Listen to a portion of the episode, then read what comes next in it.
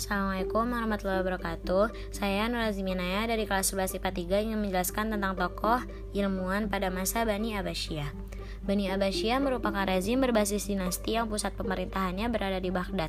Kekuasaannya berlangsung dalam rentang waktu yang panjang, dari tahun 132 Hijriah hingga 656 Hijriah. Pada masa Bani Abbasiyah, ilmu pengetahuan berkembang pesat, mulai dari bidang astronomi, kedokteran, kimia, matematika, dan filsafat. Di setiap bidang ilmu pengetahuan, tentu saja ada tokoh yang mempeloporinya. Siapa saja tokoh itu? Berikut lima ilmuwan pada masa Bani Abbasiyah yang paling berpengaruh. 1. Musa Ibrahim Al-Fazari Al-Fazari adalah seorang ahli astronomi yang dimandati oleh Khalifah Al-Mansur untuk menerjemahkan naskah astronomi dari India yang berjudul Brahmasot Rasidanta. Hasil terjemahannya itu berjudul Al-Mages. Risalah ini mengalami dua kali kali penyempurnaan. Melalui karya itu pula, para astronom muslim pada masa ini berhasil menciptakan teropong bintang dengan peralatan lengkap di kota Yudhishapur, Iran. Selain ahli di bidang astronomi, beliau juga ahli di bidang matematika dan astrologi. 2. Abu Ali Husain bin Abdullah bin Hasan bin Ali bin Sina Ibnu Sina merupakan ilmuwan muslim pada masa Bani Abbasiyah yang mumpuni di bidang kedokteran. Salah satu karya yang termasyur adalah Al-Qanun Fitib yang menjadi rujukan utama dalam bidang kedokteran selama berabad-abad. Ibnu Sina dikenal dengan nama Avicenna di dunia barat dan dijuluki sebagai bapak pengobatan modern. Karyanya di barat dikenal dengan nama The Canon of Medicine. 3. Abu Musa Jabir bin Hayyan Jabir bin Hayyan atau dikenal dengan Geber di dunia barat merupakan salah satu tokoh pada masa Bani Abbasiyah yang ahli di bidang kimia. Salah satu karyanya yang diterjemahkan ke dalam bahasa Inggris yaitu Kitab Alkimia dalam bahasa Inggris menjadi The Book of the Composition of Alchem.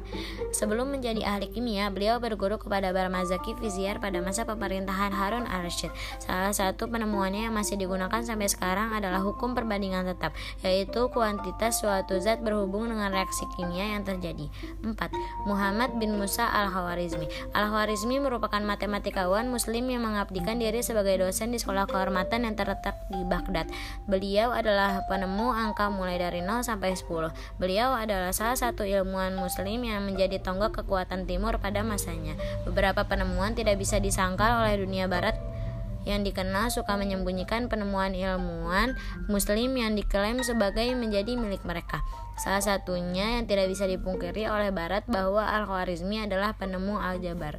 5. Abu Walid Muhammad bin Muhammad Ibnu Rushd. Ibnu Rushd dikenal di dunia barat dengan nama Averroes. Beliau mencapai puncak ke kegemilangan pada masa pemimpin Khalifah Al-Mansur. Pada masa itu beliau menjadi raja para pemikir sehingga tidak ada pendapat selain pendapatnya. Beliau adalah tokoh filsafat terbesar Islam. Salah satu karya terbesarnya di bidang filsafat yaitu kitab Al-Mabadi Al-Falsafah, pengantar ilmu falsafah.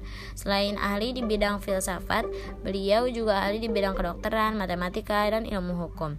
Nah, terbukti bahwa ternyata Islam juga kaya dengan ilmuwan-ilmuwan muslim yang tidak hanya berpengaruh di dunia timur tapi juga di dunia barat. Bahkan penemuan-penemuan para ilmuwan muslim tersebut masih menjadi sumber rujukan ilmu pengetahuan di masing-masing bidang sampai sekarang.